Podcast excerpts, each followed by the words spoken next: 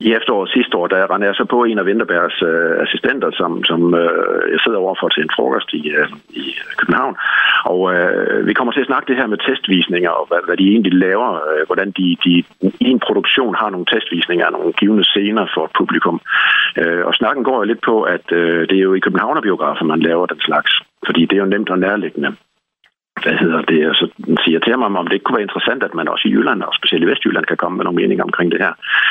Og så siger han, jo, det, det, det kunne det da egentlig være. Så siger fint, det vil du, vi vil gerne stille øh, en sal til rådighed for, hvis I har lyst til at lave en testvisning for, for øh, regionen her.